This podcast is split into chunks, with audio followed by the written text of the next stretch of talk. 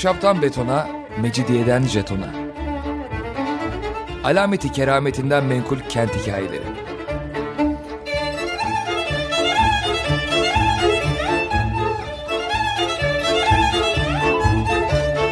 Hazırlayan ve sunan Pınar Erkan.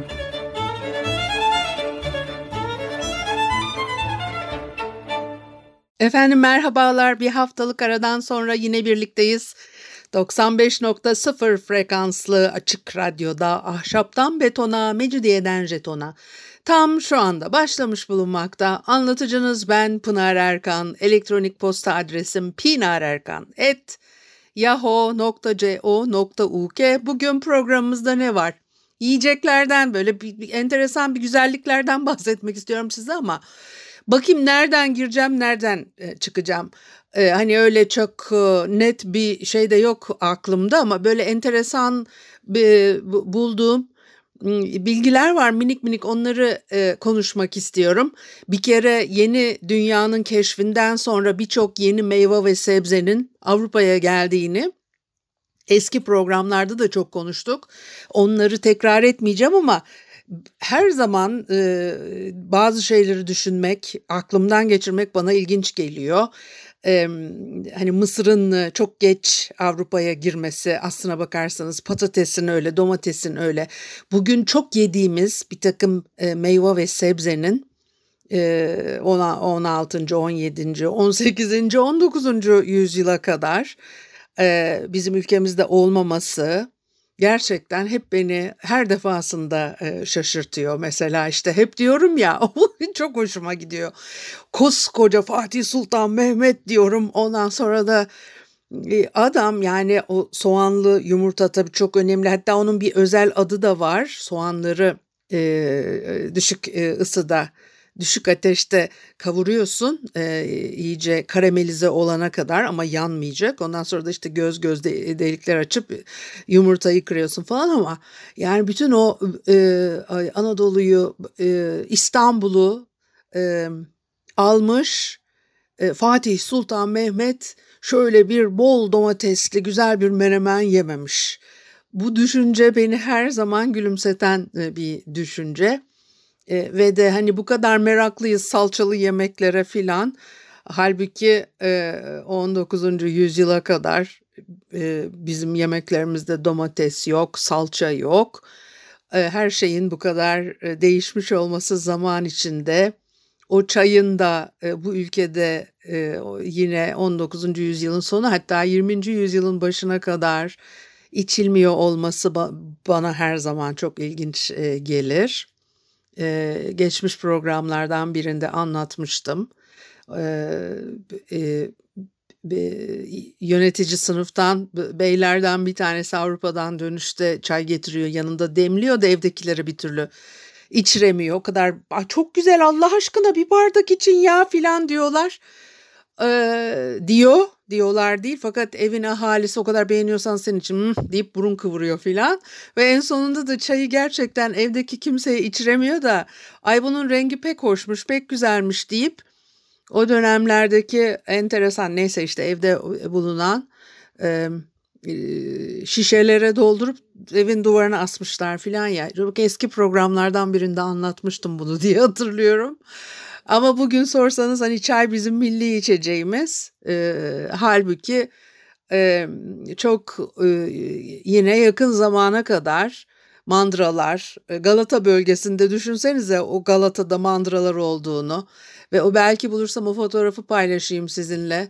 Ee, o Galata'nın sokaklarından ve Şişhane'nin sokaklarından apartmanlar arasından e, koyun sürüleri yürüyor filan çünkü yani buralarda mandıralar varmış bol miktarda ve de süt içiliyor kahvaltıda aslında. Çok yakın tarihlere kadar sabah kahvaltısında süt içme adeti. Ondan sonra da ne o Beşiktaş'ta galiba en son bir kaymakçı işte süt ürünleri satan o eski geleneksel dükkanlardan birisi kapandı. E, Karaköy'de öyle filan yani ve şehrin e, tarihi yarımada da hala var herhalde birkaç dükkan. Şimdi düşünüyorum Kadıköy'de var mı? Kadıköy'de de varsa da ben bilmiyorum.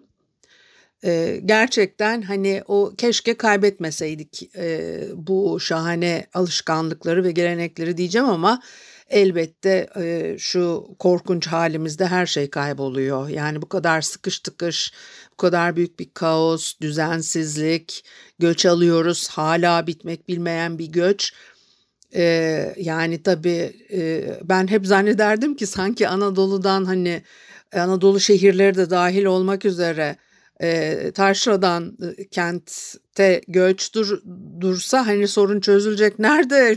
Yurt dışından e, göç alıyoruz çok yoğun bir şekilde. Tabii bu büyük bir yanılgı. Bütün dünyada sürekli göç hareketleri, göç dalgaları devam ediyor ama biz biz bu coğrafyada bu, bu durumlara hiç alışkın değiliz. Yani Londra metrosunda en son gittiğimde 18 farklı dilden düğmeye basıp bilet alabiliyordunuz kendinize. Bizde böyle bir şey yok. Hani Londra'da da şöyle bir istasyonda durup e, ufka doğru diyeceğim de şöyle uzağa doğru bir gözünüzü dikip baktığınız zaman ya İngiliz görmeniz o kadar zor ki çok az. Ama onlar e, bu, bu durumu e, yadırgamıyorlar. Bir de orada tabii e, kanun işliyor falan neyse e, bir şey bir şey. Yani biz neyse her şey çok şahane olmayabilir ama bizden e, bu anlamda daha iyi durumda oldukları kesin. Dolayısıyla da çok acılar e, yaşanıyor e, bu topraklarda ama ben hiç yani neyse bu o konuları olumsuz konu yani bugün e, bir daha neşeli program yapmak istiyorum. Şimdi dolayısıyla hani o yeni gelen e, besinler çabuk e, benimsenmiyor ve kolay kabul görmüyor dedim. Mesela e, İngiliz yazar Samuel Pepys 9 Mart 1669 tarihli günlüğünde demiş ki bir içecekten söz ediyor. Yeniydi bu. Bana zarar vermeyeceği konusunda şüpheliydim diyor. Bir içecek vermişler eline. Onu içecek ve e, şüphede acaba başıma bir iş gelir mi falan diye. Ne biliyor musunuz o içecek? Portakal suyu. Yani e, e, elin İngiliz'i 17. yüzyılın ortasında eline bir bardak portakal suyu neyse Asya meyvesinden yapılan yeni bir içecek ve çok iyi bir içecek olduğunu düşünüyor fakat e, tedirgin. E, Kolomb'un seyahatlerinden yıllar sonra dünyadaki her ülke yeni besinlerin, yeni mutfakların bombardımanına uğruyor. Ama kültürler arası değişim yine de zor. Ee, insanlar dünyanın farklı bölgelerinden gelen sıra dışı yiyecekleri öyle hemen kolay yemeye başlamıyorlar. Mesela Avrupa'da domatesi öğrenmiş olmalarına rağmen yüzyıllarca e, yetiştirmemişler veya yemek istememişler. E, ve e, ne bileyim ben o yeni dünyanın keşfinden 300 yıl sonra falan birçok e, sebze meyveyi oradan gelen mesela mısır hayvanlar için uygun görülen bir yiyecek. Çok zor kabul ediliyor insan besini olarak filan. E, ve e, mesela bazı şeyleri de alışkın oldukları kendi ülkelerinde bulunan besinlere benzetebilirlerse eğer daha kolay kabul ediyorlar. Mesela Kolomb'un oğlu kakao tanelerini özel bademler olarak tasvir etmiş ve de e, kaş, e, kaşif kaşif Coronado kaşif e, Coronado e, bufalolardan boynuzlu sıra dışı inekler olarak bahsediyor filan. E, Fransızca'da patatese dünya elması e, terre deniyor e, ve de e, e, İtalya'da da meyvenin atalarının sarı olması altın elmalara e, Yunan mitolojisinden aşinalıkları nedeniyle e, domatese altın elma yani pomodora e, ismini vermişler. Dolayısıyla da işte öyle on biraz daha hani tanıdık geliyor ve e, kabul görür hale geliyor. Mesela yine hindi de e, üç yeni e, dünya ürünü olarak e, e, geçtiğini söyler Svitello. E, hindi, tütün ve fasulye. O kuş eti yiyen ve özel günlerin en önemli e, parçası e, olarak işte tavuğu benimsemiş Avrupa. E, hindiyi kabul ediyor. E, ve de e, o balıkçıl işte kuğu, tavus, diğer kuşların yerini e, almış hindi ve hindi de zor e, bir ettir yememek için. E, yani e, keşke programın başında uyarsaydım e, etlerin, et yenilen et yemeklerinden söz edeceğim. Hele biraz sonra e, bir e, içinden kuşlar çıkan bir turtadan söz edeceğim. E, bu tür şeyleri duymak istemeyen e, sevgili dinleyicilerim belki e, işte e, bilmiyorum radyolarını kapatmak e, tercihleri olabilir. Yani eski zamanların o enteresan alışkanlıklarını konuşuyorum. Dolayısıyla da hani bunları e, anlatacağım. Mesela e, fasulyeyi daha kolay kabul ediyorlar. Çünkü işte e, e, nohut, mercimek gibi e, baklagillere benzemesi 16. yüzyılın ortalarında e, botanik kitaplarında söz etmeye başlamışlar ve de e, Meksika fasulyesi de bütün Avrupa'da Fransız fasulyesi olarak tanınmış. Şimdi bir de yani tabii bu yiyeceklerin kabul edilmesi mesela Çin'de kolay kabul edilen birçok yiyecek var. Çünkü nüfus çok olduğu için e, doyurulması gereken yüksek bir nüfus Çin yeni dünyanın yiyeceklerini özellikle de mesela yer fıstığı, mısır ve tatlı patatesi çok hızlı benimsemiş. Ee, ve de e, tabii o Afrika, Latin Amerika nüfusları e, yeni dünya kolon tarafından keşfedildikten ne bileyim ben işte 250 yıl sonra yani 250 yıl içinde e, köle ticareti hastalıklar nedeniyle e, azalıyor çok. E, ve de e, o kolomb değişiminden elde edilen yiyecekler e, Asya, Avrupa ve e, Okyanusya nüfuzlarında e, büyük bir yükselişe e, neden oluyor. E, Çin ve Hindistan'ın nüfusu 2010 senesinde 1 milyardan fazla. İşte nasıl işte e, dolayısıyla da o yiyecekler e, uzun yıllar içerisinde e, kolay kabul görmüş. Şimdi mesela çikolata mevzu da o enteresan. Öyle çok uzun uzun çikolataya girmeyeceğim çünkü zaten çikolata anlatılan bir şey. Ama e, Avrupa'da çikolatayı çabuk fark ediyorlar. E, fakat İspanyol asilleri çikolatayı güçlü bir afrodizyak olarak görmüşler. 16. yüzyılda çok popüler ama afrodizyak olarak popüler. E, ve de e, tarifini bir yüzyıl kadar bir manastırda kitleyip gizli tutmuşlar. Halbuki Fransızlar tatlılarda kullanıyorlar filan. Bir müzik arası verelim ondan sonra devam edelim. Efendim Açık Radyo'da Ahşaptan Betona, Mecidiyeden Jeton'a devam ediyor. Haliyle Pınar Erkan'ı dinlemektesiniz.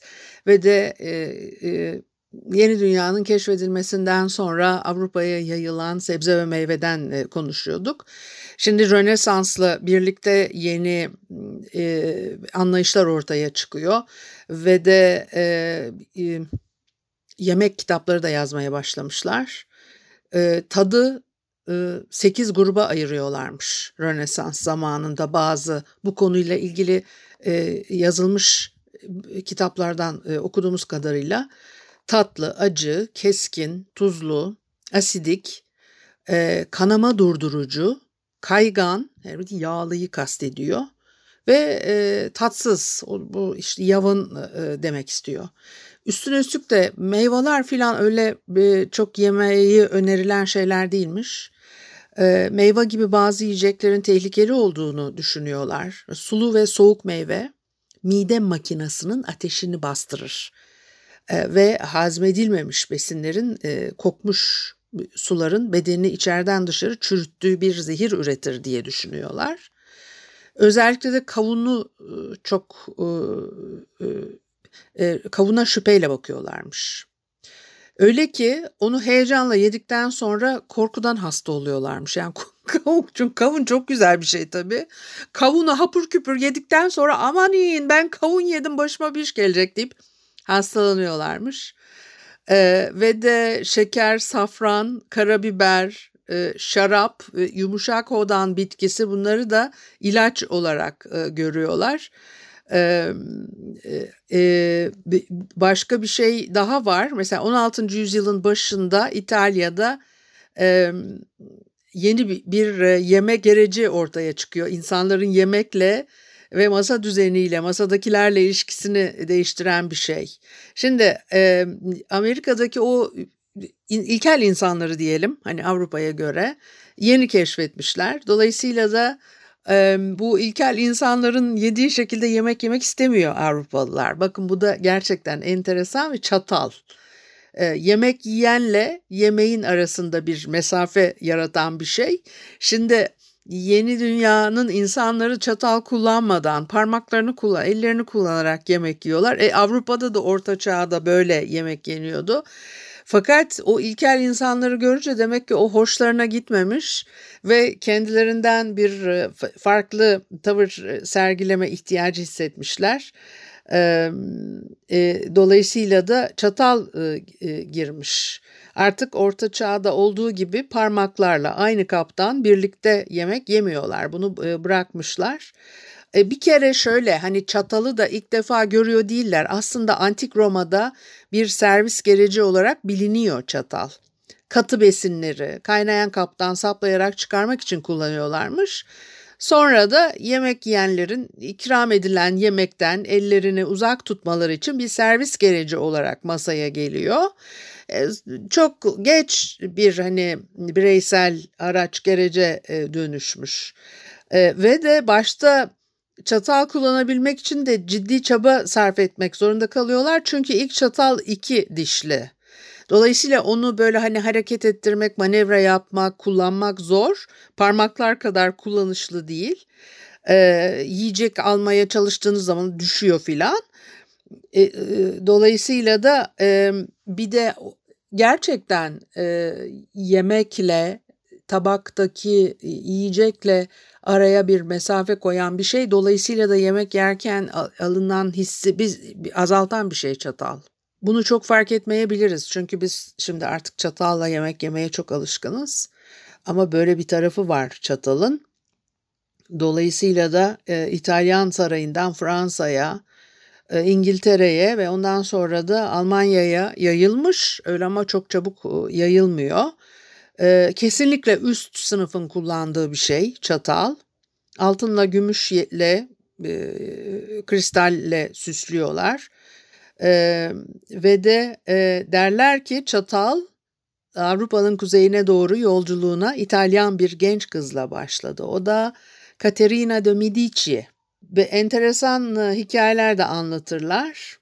Şimdi Catherine Medici 14 yaşında prenses ve de papanın ayarladığı bir evlilikle Fransız prensiyle evlenmeye e, gidiyor. E, İtalya'dan, Floransa'dan ayrılıyor. E, e, ve ondan sonra da şimdi ikiye ayrılıyor. E, gastronomi tarihçileri bazısı diyor ki e, Fransa'nın gastronomik tarihinin değişmesinden tek başına sorumlu olduğu biraz şüpheli işte çocuğu olmadı 14 yıl dolayısıyla sarayda o kadar da etkili değildi. Üstelik de Fransızların ağız tadı için en azından yeni olan jöleler, sakatatlar, enginar, efendim işte trüf mantarı, makaroni e, gibi yenilikleri e, gerçekleştiren başarılı aşçılar da vardı diyor ve bunu anladığım kadarıyla e, Catherine Medici'ye bağlamıyorlar ama bir kısmı da diyor ki onun etkisi var. E, e, ve ama bunu bize net bir şekilde anlatacak e, bir hani veri belge yok. Dolayısıyla da Catherine Medici'nin bazı yiyecekleri, pişirme tekniklerini, mutfak tarzlarını İtalya'dan Fransa'ya götürüp yaymadaki rolü hakkında işte neyse o beslenme uzmanları arasında bir tartışma var. Fakat bir takım yenilikleri taşıdığı e, anlatılır. E, İtalya'dan Polonya'ya giden yiyecekler var 1518'de. E, başka bir İtalyan prenses yine bir siyasi evlilik yapıyor. Kendisinden 24 e, yaş büyük Polonya kralıyla e, evlenmiş ve ondan sonra da kendi aşçılarını, bahçıvanları yeni ülkesine götürmüş. Polonya mutfağının birçok sebzeyi öyle e, öğrendiği e, söylenir ve de lehçede sebze için kullanılan kelime İtalya'dan şeyler anlamına e, geliyormuş. E, bunların arasında da e, enginar, kuşkonmaz, fasulye, karnabahar, kestane, külbastı, badem ezmesi, köfte, çorba, ıspanak, domates bunlar e, Polonya mutfağına İtalya'dan e, gitmiş. Mesela İngiltere'de 1531 yılında yine 8. Henry hükümranlığı döneminde işte e, protestan oluyor ve de e, çok iştahlı biriymiş. E, yani hatta kötü şöhreti var oburlukla ilgili. E, altı kez evlenmiş.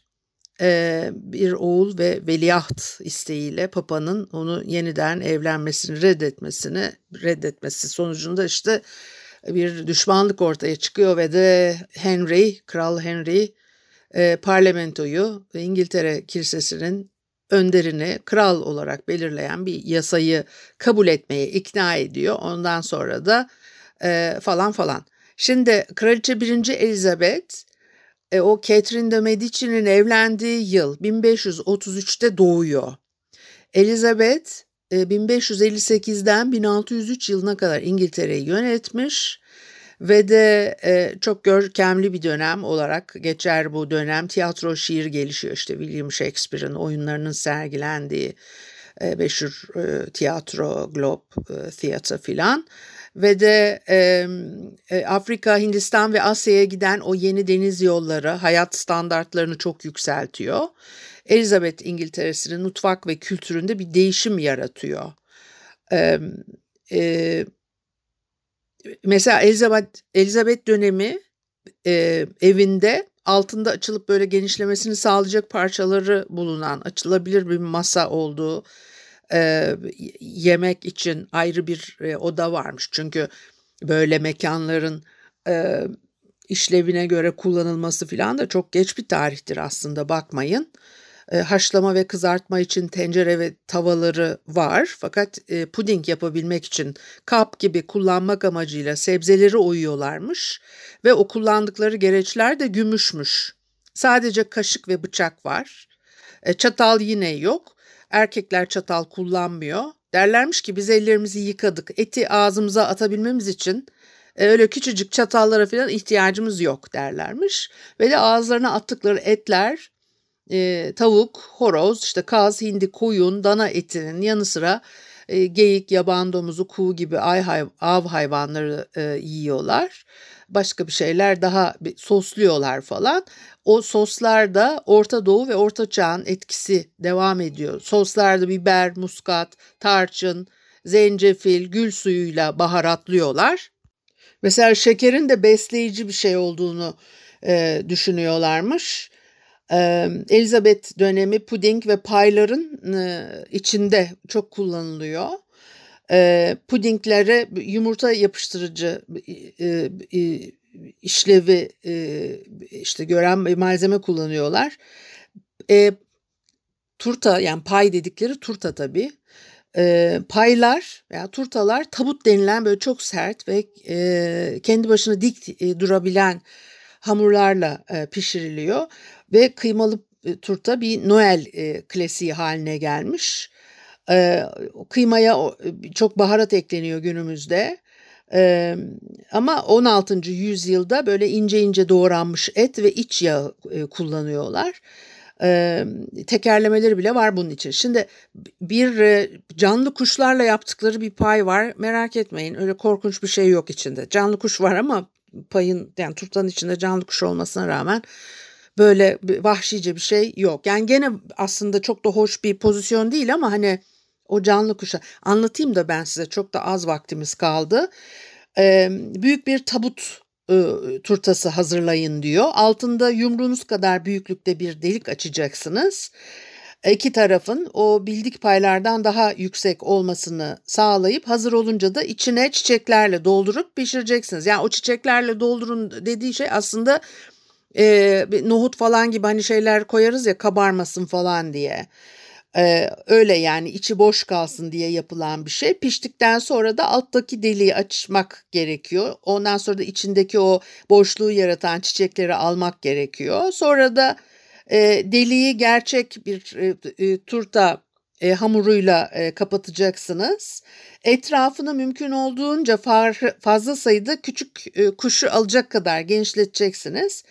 Ya o kuşları e, turtanın içine koyuyorlarmış canlı canlı. Sonrasında masaya getirecekler. Böyle üstteki kabuğu kaldırıldığı zaman bütün kuşlar havaya uçacak. O gösteriyi izleyenler de eğlenecek ve keyiflenecek. Bunu yapıyorlarmış. Yani e, ay vallahi e, tabii ne olacak işte Kraliçe Elizabeth'in sofrasında gördüğünüz şeyler.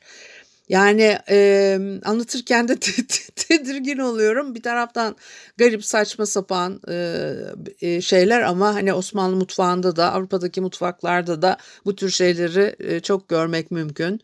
Bu haftalık da bu kadar olsun. Haftaya ee, görüşene kadar hoşça kalın. Herkese çok daha iyi bir yeni yıl diliyorum. Yeni yılda görüşmek üzere. Hoşça kalın.